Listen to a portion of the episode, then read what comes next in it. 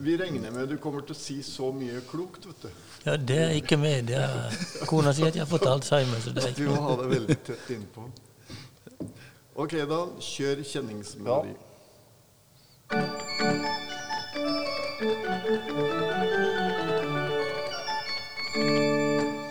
Det var ustemt. Ja, vi tar det en gang Jeg til. trekker, jeg trekker helt ut, eller? En gang til. Ja.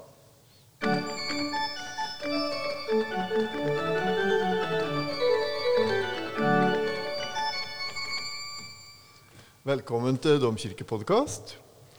Eh, Den, den eh, erfarne lytter la kanskje merke til at orgelet låt litt annerledes i dag. Og det er fordi vi sitter ikke oppe ved det store Markussen-orgelet bygga i 1964, men ved Det blir kalt kisteorgel, som står foran i kirka, bygget av eh, Ryde og Berg i 2000 og, lese hva- hva det står? 2001 står her. 2001.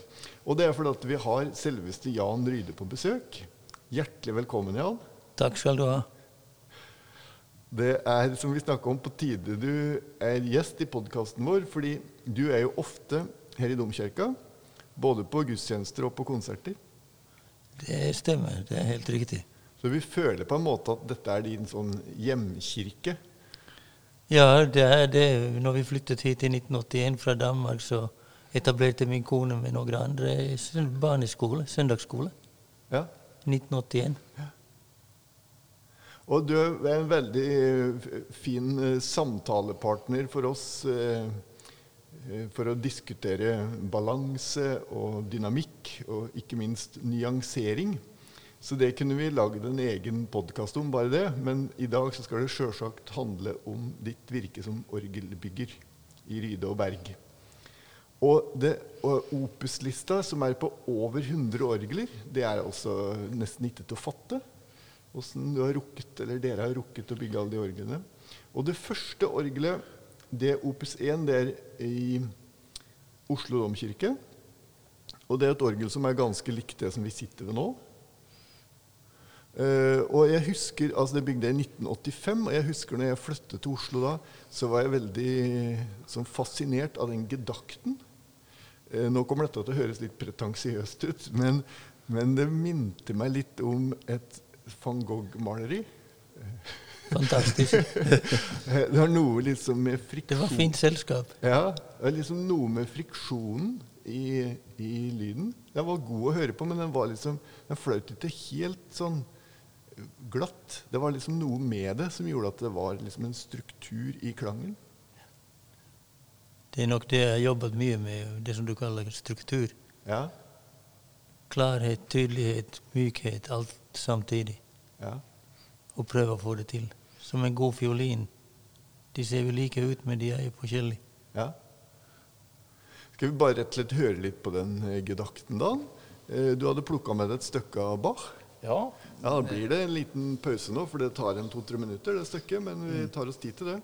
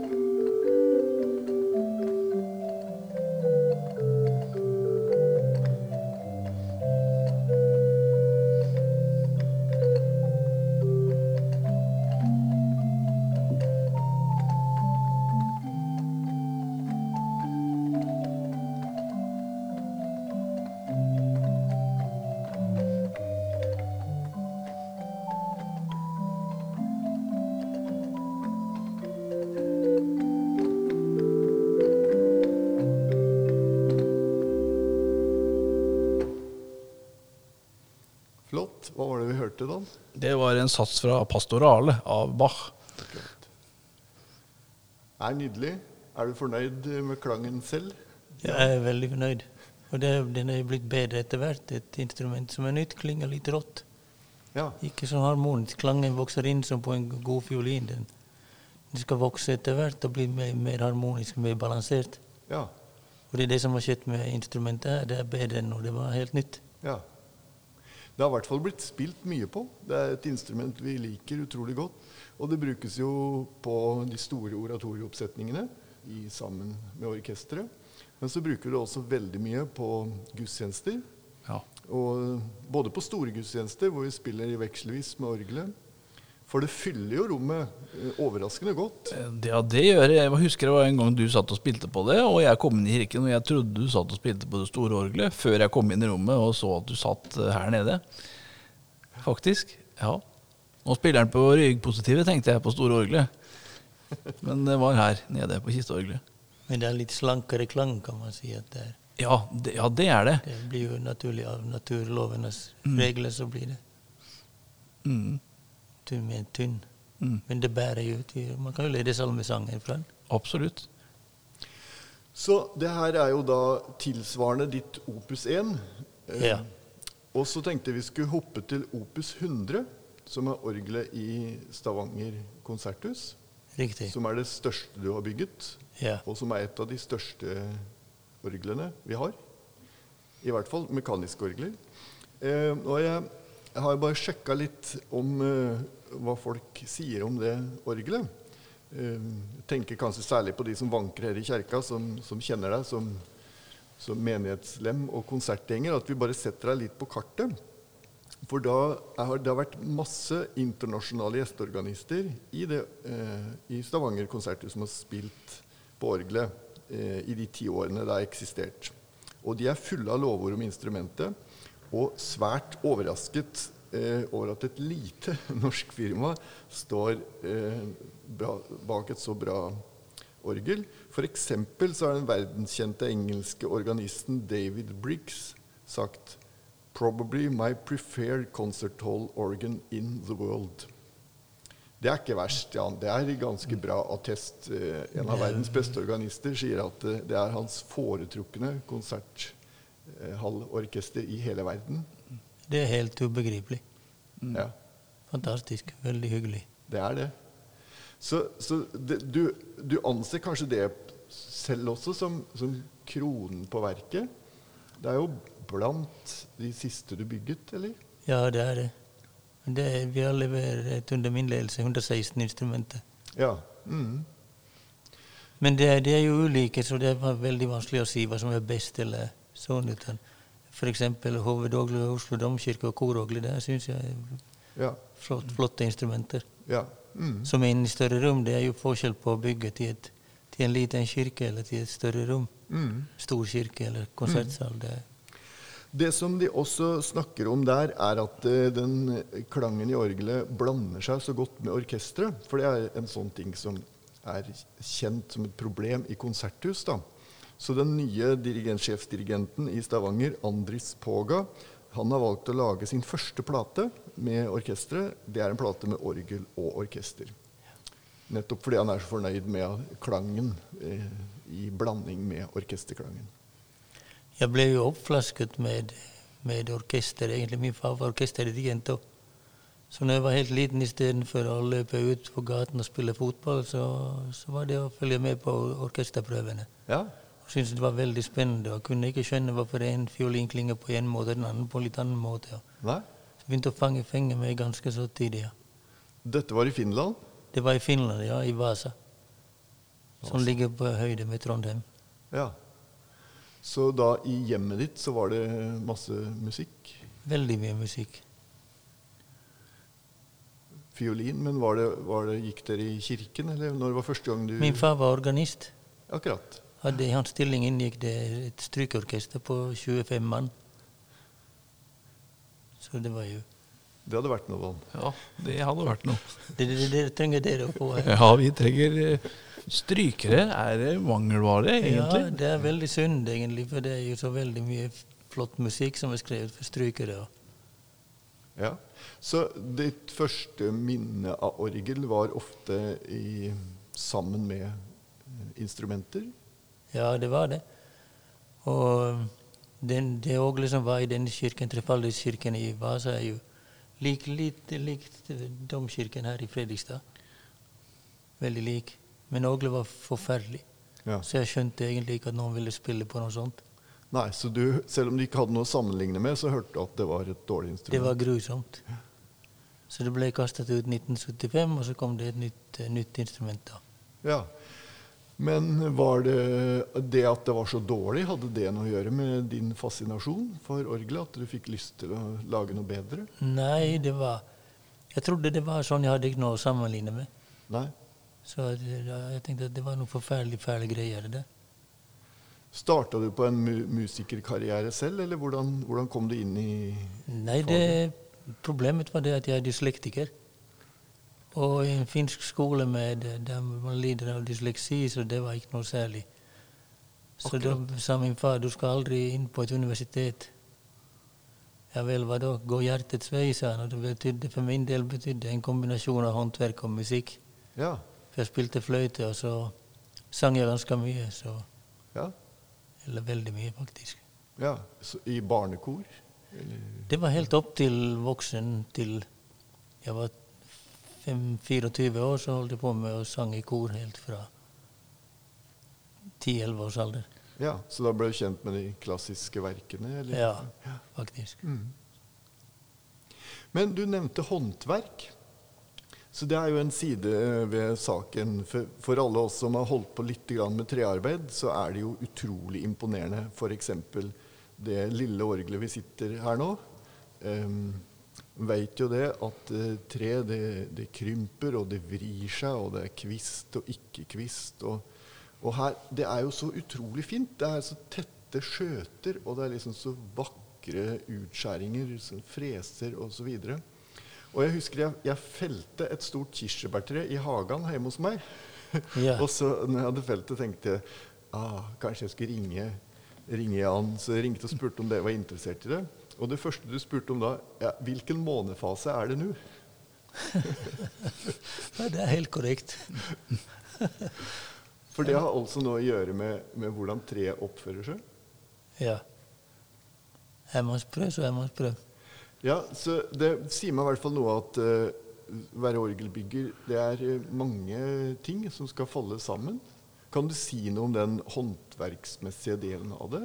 Eh, hva, Ja, altså, hva slags treslag bruker dere? Hvor, hvor Når vi sier at vi at totalt i Ågel, så er vi, ca. Åtte, åtte forskjellige treslag. Ja. Det går fra furu til eik, pæretre, en del piper. Kirsebær noen gang. Små fløyter i tre. ja. Klaviaturer som er, kan være buksbom, det kan være eh, Ibenholtz. Eh, Noen gang for mange år siden brukte man Ibenholtz. Mm. For her så er vel orgelkassa i eik. Ja. Mm. Og så er det jo veldig vakre sånn registertrekk. Det har, har jeg lurt på hva er der borte. De Det er et treslag som heter venge, som vi har dreiet eh, da, på verkstedet. Ja. Veng, vengi? Venge. Venge. Jeg har aldri hørt om. Afrikansk treslag. Akkurat. Det, det kan, I fargen kan det minne litt om alm. Ja, faktisk. Når man oljer det eller beiser det, så ser det litt ut som alm. Ja. Men alm er jo ganske myk. Men den der går jo ut ifra hard. Den er- Ganske hard, ja. Ja. Og så er det tangentene her. eh, Husker du hva det er i de? Det er buksbom. I, I de svarte? I de, det er venge i de svarte, og så er det buksbom i undertangentene. Akkurat. akkurat. Så, og det venget er altså importert fra Afrika? For- Vokser i Spania hvis litt òg. Ja. Mm. Og da har dere en forhandler, så er det sånn Ja, det er veldig vanskelig å få tak i god kvalitet på det, så vi har gitt opp. Det, Ja. Men hvor får dere tre fra? Er det fra Oslo Finer? eh, Oslo Finerfabrikk har vært Ja. en leverandør da, på oversjøiske trematerialer. Da. Ja. mhm. Men det er jo blitt mer vanskelig å finne tre i dag enn det var. ja.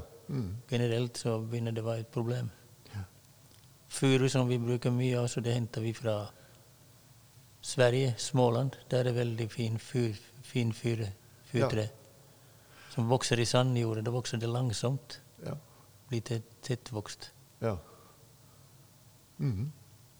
Det er mye å tenke på, Dan. Ja. Det, det har konsekvenser for klangen, altså. Det påvirker det. Hardt tre, så har man en gedaktpipe som vi hører den myke stemmen, og lager vi den i, i furu, så klinger det mykere enn om vi lager den i eik. Ja, for dette, da kan vi jo komme inn på det pipeverket. Fordi da er det en del piper som er i, i, i tre. Jeg tenkte vi kunne ha litt sånn eh, grunnleggende òg, for folk som ikke kjenner så godt til orgel. Så er det jo sånn, De, de, kalles jo da labialstemmer. og det vil si at lyden produseres ved at eh, Som du blåser i en blokkfløyte. Yeah. At luftstrømmen spaltes. ja. Um, og da sier du at dere bruker forskjellige treslag i de trepipene. Og de lager dere selv, kanskje? eller? Vi lager trepipene selv, ja, og det er jo Da kan man forme det litt som man vil også, mens man holder på og planlegger instrumentet, så er det ofte der man begynner med de større, store trepipene. Ja.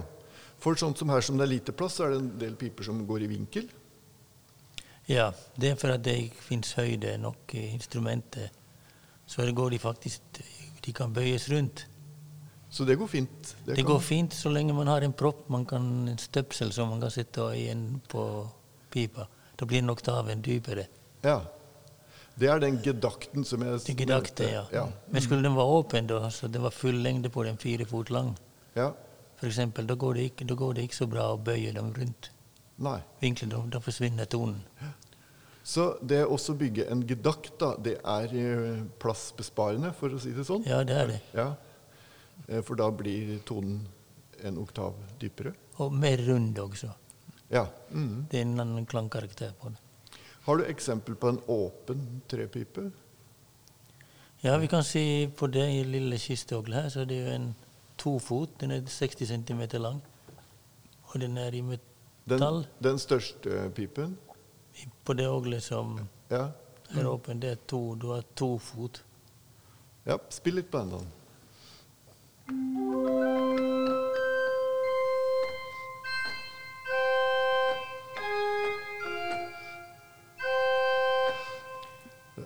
Vet ikke hvor lett det er å høre på podkasten, men for oss her i kirka så er det åpenbart at det er en helt annen klang.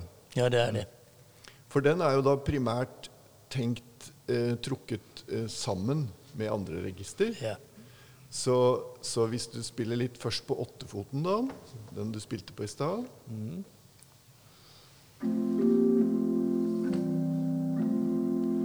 Og så tar du på firefoten, så hører vi at det blir liksom oktaven over. Det er som man spiller alle tonene i oktaver. Og så tofoten er da oktaven over der igjen.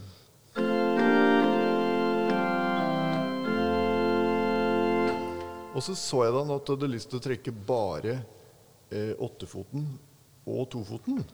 Så det kan du prøve. da blir det liksom et hull i midten.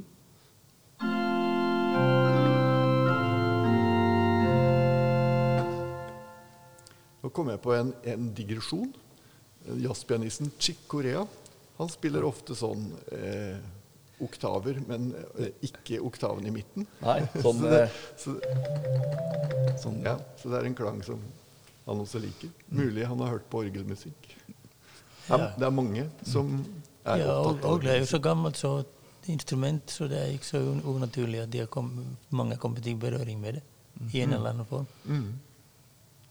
De eldste orglene i Europa er vel fra 1400-tallet. Det finnes noen eksemplarer nede i Spania. Ja. Italia har jo en del. Det er som med dialekter, det er ulike klanker, fascinasjoner, klangnormer. Avhengig hvor man er. Og da, de første orglene der du snakker om, var det da sånn type blokkverk? Eller? Det var blokkverk, ja. Mhm. Så da, da kunne du ikke holde på sånn som vi gjorde nå, trekke forskjellige register. Da var, det, da var alt på. Italienerne var jo dyktige da på 1600-1700-tallet. Det var jo stor eksport fra Frankrike og i Spania. Ja. til Mexico, annet. Ja. Mm. Guy Guy Bouvet, min tidligere orgelprofessor, han har jo vært i Latin-Amerika og Sør-Amerika og spilt inn en plate på gamle orgler. Og dokumenterte dem også med masse bilder ja. Mm. som ble stjålet fra han. Så uh, han gikk på torvet i Mexico. Så fant han en bok om orgler, og da oppdaget han til sin fortvilelse at det var hans fotografier som var brukt i hele boka. Ja. Men eh, da har jo orgelfaget spredde seg i hvert fall. Absolutt. Ja. Eh, På, på den tiden vi var nå, Jan, så var det ikke noe, mm, noe vifte, elektrisk vifte. Nei. Så da var det en, en, eh, en orgeltramper. Det var jo en stilling, det. Ja. Så, så, Under Bachs tid så, så var det jo en egen orgeltramper. Han beklaget seg til menighetsrådet i Thomaskirken at det var forferdelig mye jobb. ja. Så han ville ha mer høyere lønn. For Bach brukte orgelet på en annen måte enn man hadde gjort før det. Med at han tok ut mange register. Da skal det mer luft til, og da blir det mye jobb. Og så, Det måtte jo være sånn at når Bach skulle øve, da, så han fikk jo ikke øvd uten at eh, orgeltramperen var på jobb. Nei, sånn var det. Så det er jo det er jo Når skal vi si det elektriske viften kom inn i orgelet, da? Ja, det må jo være på når strømmen kom til byen. Ja. Så det er jo forholdsvis nylig når man ser på hele Det er ganske nytt. Ja. Og det var på en måte bedre klang med eh, trådbelgen enn det med vifte. Ja. Hvorfor det? Viften, viften gir en liten turbulens, så man kan høre det beveger seg litt. Ja. Da man har trådbelgen, så er, det, er stabi, tonen stabil. Ja. Lineær. Har du bygget eh, noe orgel hvor det er mulig å trå belgen? Ja, faktisk det. du har vært Musikkhøgskolen og Oslo Sandvollsalen. Ja, riktig. Rom 317. Ja, Det prøvde vi aldri, da. Har du vært med på Nei, det har vi ikke Det, det skulle vi jo gjort. Men er det, der er det en sånn en du løfter med hånda, eller trår Man løfter med motor. Jeg regnet ut at man kunne ha en viss eh, bestemt bevegelse på det, og så er det en motor som løfter belgen. Akkurat. Ja. Problemet var bare å få det helt stillegående. Ja. Men det gikk, så det var, det var i funksjon en kortere periode. ja. Mm. ja, vi har spilt mye på det orgelet da. Ja, Det er et fantastisk instrument. Veldig flott instrument, det der. Det er eh, Som hele, i hvert fall veldig mange av Norges kommende organister er, har både undervisning og masse øving på det orgelet. Ja, og prøvespill og eh, eksamener og Ja. Og det er så vakkert òg. Veldig, veldig flott eh, farge. Der har vi andre fag innen eh, utformingen. Ulf Oldeus er arkitekt fra Stockholm. Han var både orgelbygger og arkitekt. Ja. Så vi har benyttet beste tenkbare kompetanse for ulike fagområder. Mm. Jeg tenkte på det, du var inne på Bach og barokken, og så eh, kom jo klassisismen, som kanskje er en periode vi kan hoppe litt fort over, sånn orgelhistorisk. Ja, de går jo litt i hverandre, de disse epokene, på en måte. Det er litt vanskelig å sette en skille, helt klar skillelinje. Ja. Men så kommer jo romantikken, og da har du jo bygget et par orgeler som er eh, veldig preget av det klangidealet. Tenker på, på Lillestrøm og Ris. Ja, det er riktig. Jeg er jo påvirket av eh, fra Finland, og der eh, romantikken blant annet kom inn litt tidligere enn i andre nasjoner. Ja. Så min sjef i Helsingfors, Veikko Virtanen, han sa du skal bygge, vi skal bygge et romantisk orgel, og du skal intonere det. Da var jeg jo 22-23 år. Tenkte i all verdens dager, hvordan, hvordan får jeg- får vi det til? Jeg kan jo ikke faget på den måten. Så sa jeg det der kan jeg ikke nok om, og så er jeg for ung. Nei, du får du finne ut av, for det skal vi klare. Så hjem. Min søster hadde flere innspillinger med LP-er, LP-plater som det var da. Og det var et orgel, eh, Åkermann og Lund-orgel i Jönköping i Sverige som ble spilt på der. Da skjønte jeg klangen, men da var problemet hvordan ser et sånt instrument ut innvendig? Så jeg fikk fatt i gamle piper og begynte å snitte dem med kniv. Man kunne ikke bare reise så det var gårde og prøve, for det var gitt penger til. Så prøvde jeg å skjære opp og holde på med ulike dimensjoner. kom jeg på. Sånn må det være. Og sånn ble det. Ja. Så, men for da må jeg hoppe litt tilbake til din historie igjen. For da var du ansatt i et firma i Finland? Ja, først jeg var i to forskjellige firmaer. Et i nærheten av Vasa og et i Helsingfors. Veiko Virtanen som selv var utdannet organist. Og de bygget helt fast måte ganske så store instrumenter. Åbo domkirke annet. Det var jeg ikke med om, men noen andre. Er det en orgelbygger som er kjent for deg, da? Nei, Nei har jeg ikke hørt om. Nei, han, var, han, var, ganske så avansert i teknisk tenking og sånt. Lå, lå de langt fremme. Problemet var økonomien. Det var ikke penger nok til å drive på et rasjonelt verksted, så de fikk ikke alltid gjort det de ville gjøre. Nei. Han, han var en meget dyktig kar. Så når de orglene ble bygget, så var det bl.a. en professor på Sibeliusakademiet som het Enzio Forsblom. Ja. Kanskje Han underviste her i Norge noen ganger eller hadde forelesninger. Ja. Og han sa til meg nå skal du, jeg, Når han gjorde innspillinga, så var jeg med og assisterte for å vende blad, registrere. Og så så sa han en, efter at jeg gjort en plateinnspilling, så sa han jeg syns du skal studere videre. Og da, ja, hva da? Når du skal dra til Danmark, sa han. Ok, da var det det. Han kom seg dit. Så 1974 starta i Syd-Jylland ved Kristensens Ågelbyggeri, som bl.a. har bygget Ågel i Østsiden kirke. Ja.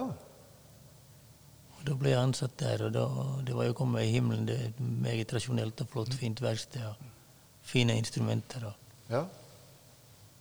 Det var lærerikt og spennende. Og Jeg fikk en fin stilling i den bedriften, så jeg var der i syv år. Fra 74 til eh, 81. Ja. Mm. Og så begynte du å etablere ditt eget tenke Nei, da flyttet jeg fra Danmark til Norge. Ja. Og da var jeg, da var jeg ansatt ved Øystein Gangflets ågelbyggeri her i Fredrikstad i to år. Aha. Og så som vi Øystein Gangfløyts far var jo domorganist her. Så. Og da etter hvert, eh, kort tid, så etablerte jeg meg selv da, med service og vedlikehold, rådgivning, internasjon for andre orgelbyggerier. Ja. For jeg husker jeg var på, en, var på studenttur i Det må ha vært i 1981, kanskje? Eller 82? Eh, da var vi innom domkirken her og hørte på gangfløtt spilte. Og så var vi også på altså da, Øystein Gangfløts orgelbyggeri. Helt riktig. Så da var vel kanskje du der, da? Jeg husker, jeg var det. Jeg husker det intonasjonsrommet, liksom. At ja. Øystein viste oss litt grann, da, hvordan han jobba. Riktig. Mm. Og så eh, tok du over, da, selv? Nei, jeg gjorde ikke det. Jeg jobba på frilansbasis i to, litt over to år. Da var jeg helt selv, men det var ganske slitsomt med familie og hele tiden være på hjul. Ja. Og så ville jeg skape noe, jeg hadde en idé om hva jeg ville gjøre. Og da ble det etablert et orgelbyggeri i september 85. Ja. Det var vi fire mann. Og så, som mest var vi 16. Var Aksel med fra starten? Nei, Aksel kom tolv år seinere. Ja, For Aksel, som jeg refererer til, han er jo da sønn til Bruno Christensen. Helt riktig. Som, som uh, har det berømte firmaet som du snakka om at du jobbet hos. Ja. Så det var viktig, viktig å få med Aksel på laget? Det var veldig viktig å få Aksel inn, med som hadde den danske, danske kvalitetsforståelsen. Ja hvordan man driver et håndverk. Det var ikke bare spørsmål om å bygge et instrument, utan det hadde også med håndverkskvalitet å gjøre. Ja. Det, det eh, er litt interessant at du nevner eh, impulser fra Danmark, og vi har snakket om fra Finland, og, og altså fra kontinentet. For det har ikke gått så mye andre veien. Vi, vi har masse utenlandske orgler i Norge. Men det er ikke så mange norske orgler i utlandet, tror jeg. Det er i hvert fall, Når jeg ser på Opus-lista di, så har du bygd kanskje et par-tre i Ja, vi har Stockholm Vantør. Ja. Så det er kisteorgel, så det er mm. Stor restaurering. Er det liksom lite interesse for uh, norske orgelbyggere ute, eller er det vanskelig å komme ut? De har hatt egen produksjon, og så er det at i Danmark man, de er, Danskene er litt proteksjonister, om man skal være litt eh, stygg. Ja. Mm. Men det er, på den måten har de lykkes beholde produksjonen produksjon og kompetansen i, i, i, i nasjonen, Mm. og ikke hele tiden hoppe ut. Det det er sunt å ta inntrykk fra andre nasjoner, men man må skape eget. Danskene har jo beholdt karetmakerfaget, fins f.eks. i Danmark. Ja. Mm. Det, der, der har man tenkt langsiktig. Det er jo ikke minst det at å skape et instrument eller bygge instrument, utan det er jo også et spørsmål om å ha kompetansen i nasjonen. Det er mye interessant da, og mye jeg ikke visste om, om Jan enda så mye vi har prata med han. Ja, han er jo en beskjeden kar. Han er jo, vi kjenner han jo som håndverker og fagmann, men han snakker ikke så mye om seg selv heller. Så det var, det var godt å høre litt eh, historien bak her. Ja, for å skryte litt på meg selv, da, om det mangler det, så er det 19, Jeg kom 1974 til Kristensen, og 75 så bygget han Ågle i Hernesands domkirke på 59 stemmer. Og jeg fikk hele intonasjonen. For en valp på 25 år så var det jo eh, ufattelig. Det var en drømmejobb. Ja. Så jeg jobbet fra morgen til natt. Jeg klarte nesten ikke å stoppe. ja. Og hvis du da skal prøve å forklare, forklare oss, eller forklare lytterne, når du da har fått intonasjonen, hva, hva gjør du da? Når jeg skaper klang, mener du, eller? Ja. Ja, først er det det at man skal dimensjonere pipenes konstruksjon, legeringer. Og det er det første som man gjør, da, at, hvordan de får plass inn i orgelhuset. Det må være god plass god, for at klangen skal kunne utvikles på en riktig måte. Så tegner man ågelhuset til og inventariene som er mekanikken og vindlader der pipene skal stå på. Så går man videre fra mekanikk og det er Oftest er det jo helmekaniske instrumenter der forbindelsen fra tangent til ventil som jo slipper opp luften, er mekanisk. ja. Så interessant at du starter helt med, med orgelhuset. For jeg har sett for meg at eh, intonasjonsjobben liksom gikk mest på at man drev og fikla med munningen på pipa der. Men det er mye mer omfattende enn det. Ja, det å tenke klang fra første stund. Altså at man at man, man må lytte realistisk til det man holder på med. Det er ikke bare å få en tone i pipa, utan det må være en, en klang som er jordnær, som er, går i sammenheng til den musikk og den stil man vil jobbe i. Det måtte jo være en fantastisk utfordring, da. Eh, Hernesand domkirke har jo vært Jeg tror jeg har spilt litt på det orgelet også. Og, og ikke minst hørt det. Det er jo et fabelaktig instrument. Ja, det var vel, Hans Fagerhus, professoren i København, han gjorde mange innspillinger der. Ja. Og de ga jo vann på mølla, det, men jeg så jo at Finland, som var, ikke hadde økonomi Men de hadde ideene. at eh, Det var litt det som ble litt av problemet i Danmark, at det ble kopien av kopien. De var så dyktige så de kunne liksom ikke slippe den bølgen de var inne på. Og Der var finnene den andre veien. De var langt framme i tenkingen, men de hadde ikke ressurser for å bygge et instrument på det nivået som danskene gjorde. Nei. Og det gjorde når jeg da, bodde i Danmark, da, så da ville jeg gjøre noe mer, for jeg kunne ikke skjønne at man ikke skulle begynne å tenke mer i den romantiske retningen. Likevel med fyldige klanger, 1800-talls orgelklanger som var fascinerende. Ikke bare låse seg inn på én stil, utan eh, kombinere stilretninger, og litt som vi hører på Hovedorgel Oslo domkirke. Man kan jo spille fransk romantikk på det instrumentet om man vil. Ja. Så det var på den måten jeg kom videre, at jeg syntes at man må, måtte eh, kombinere og integrere de her ulike stilretningene. At det går. Mhm.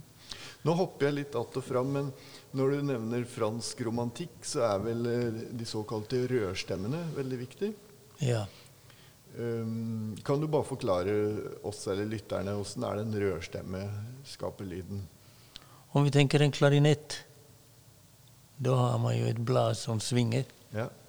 Samme sak er det med en rørstemme òg. Det er et blad for hver tone. En, en hylse og en tunge og en tratt. Mm. På klarinetten får du så mange toner som omfanget er mulig på klarinetten. Men på en rørstemme så har du én tone per en pipe per tangent. Ja. For det er også kalt en tungestemme. Så det er, Ja. er en sånn tunge som vibrerer. Som slår som en en messinglegering, da. Ja. Og når du da skal skape en fransk eh, inspirert klang eh, der, så hvordan tenker du da? Det har jeg litt større problemer med å gi et helt klart svar på. For det, det er spørsmål på disposisjon hvilken stemmesammensetning man har. Ja. Og hvordan pipen blir konstruert i forhold til hele instrumentet og akustiske forholdene der det skal stå. Det som ofte blir under misforstått, det er etterklangstid og klangkvalitet. For nå spør jeg litt eh, på, virkelig på egne vei nå, for jeg har liksom ikke tenkt så mye over. F.eks. i orgelet her så har vi i svellverket en trompetåtte og en oboåtte. Ja. Vet du hvorfor de klinger forskjellig? Det var, pipene ser vel forskjellig ut, men jeg tror at den åttefoss-trompeten, den tror jeg er gjenbruk fra det gamle orgelet. Ja. Og det ble bygd eh, ja, da kirken var ny. Da fikk de det inn på 1880-tallet. Ja. Den oboen som da heter engelskorn her, den eh, var vel ny da i 1964. Men, men eh, for da sa jeg jo åttefot, så det vil si at det, når du trykker ned eh, tona, så, så er det samme, samme tone, hvis du tenker deg at du slår ned på en piano, men det er jo forskjellig klang. ja. Er det størrelsen på, på pipa som Det er bestemmer? kjelen der tunga slår, det røret som tunga slår på. Det er utformingen av den. Ja. Lengde. Slissens, der tung, delen på det røret som tunga slår mot, Ja. Det er en sliss. Og da er det et spørsmål på hva, hvor brei er den slissen. ja. Så det er tungas tykkelse. Og så er det måten det man bøyer den tunga på. For skal den gi en tone, så må den jo bare bøyd slik at den kan komme i vibrasjon når man trykker en tangent og luften kommer til. Mm. Så da, Det fins veldig mye man kan gjøre med rørstemmer. Det er noe av det mest interessante og mest kompliserte vi har å gjøre med i Ågelbygg, Det er rørstemmeproduksjon og intonasjon. ja. Og så er det jo eh, orgelet her på galleriet, så er det jo en 32 fot rørstemme. Det er vel også litt komplisert? Ja, det er stort, og det er, det er, det er tungt. altså. Det er jo over én millimeter tjukk metall som skal bøyes. Ja. Og da er det for, forskjell på om det er en tysk utgave eller om det er en fransk utgave. Den tyske er med sirkelrund form på den tunga, Ja. og den franske bøyer mer ut i spissen. ja. Men det er jo bare sånn cirka. Alt er avhengig av hvordan de skal klinge. Siden, siden er det jo 13 lydbeger, trattens 13 som er da 32 fot lang, om det skal til. Ja. Mm. Konserthuset Stavanger, der er lengste pipe 11 meter. ja. Tenk på det. Så det er over 4000 piper, så det er jo veldig kompleks. Ja, for det eh, som jo slår meg litt nå, og veldig ofte da, er at når vi sitter og spiller, så selv om vi er ganske interessert i orgelbyggefaget, så tenker vi jo liksom ikke så mye på at eh, fra vi tyk- trykker på tangenten til det blir lyd, så er det jo ganske komplisert mekanikk. Det er det, og det er, det er utrolig hvor mange stasjoner det skal innom før det blir lyd i pipa. Det, det, det er mange feil som kan, kan oppstå, men ofte så gjør ikke det. Hvis det er godt håndverk, da.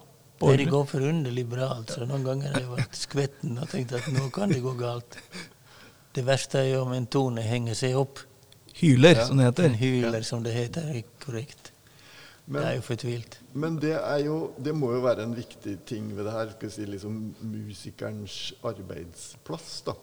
Både spillearten, som vi sier, hvordan det er å trykke ned tangenten. At, at det blir jevnt. At ikke plutselig to tangenter er forskjellige å trykke ned.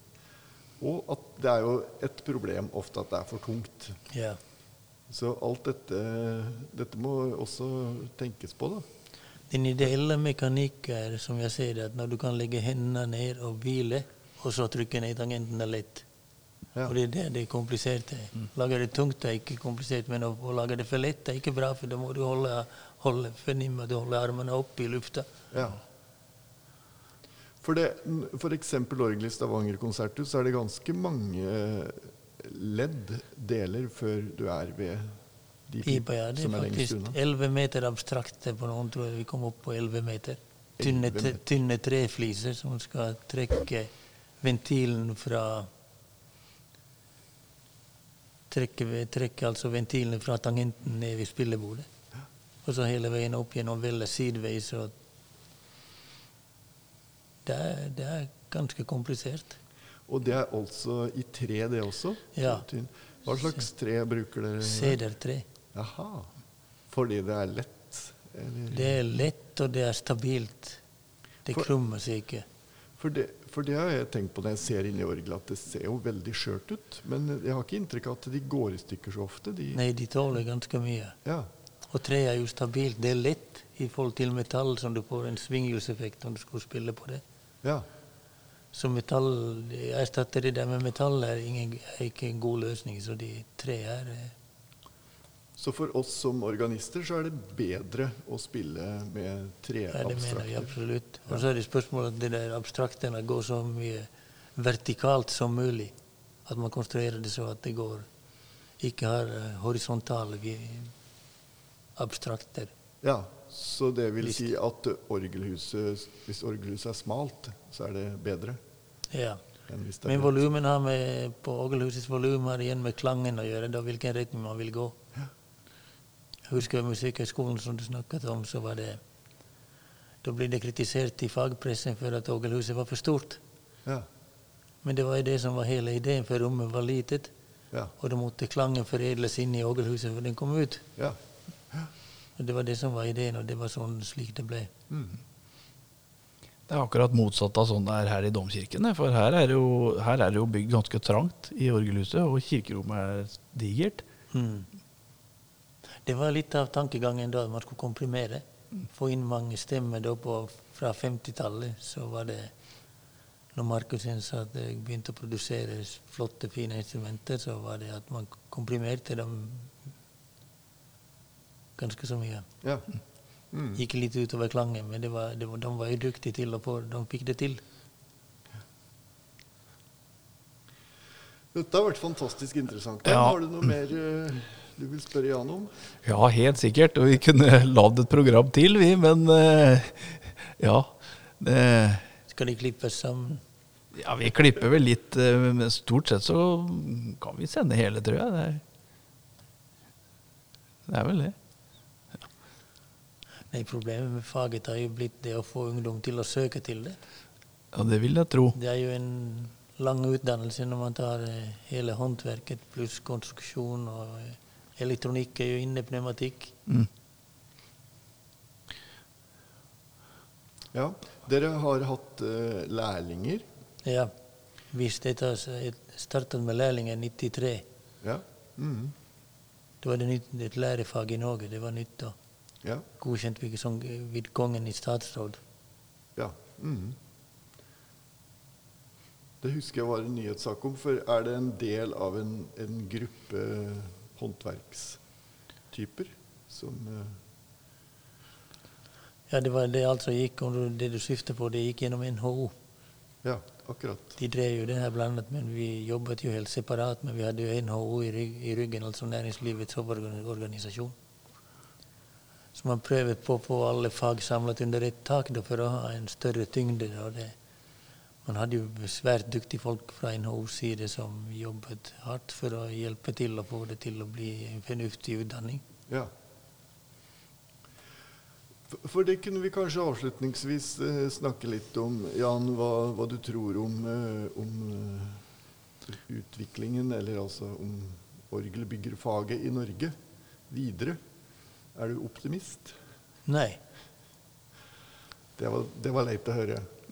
Det er faktisk forferdelig trist, altså, men jeg tror man må bevare fagene på en helt annen måte enn man har gjort nå.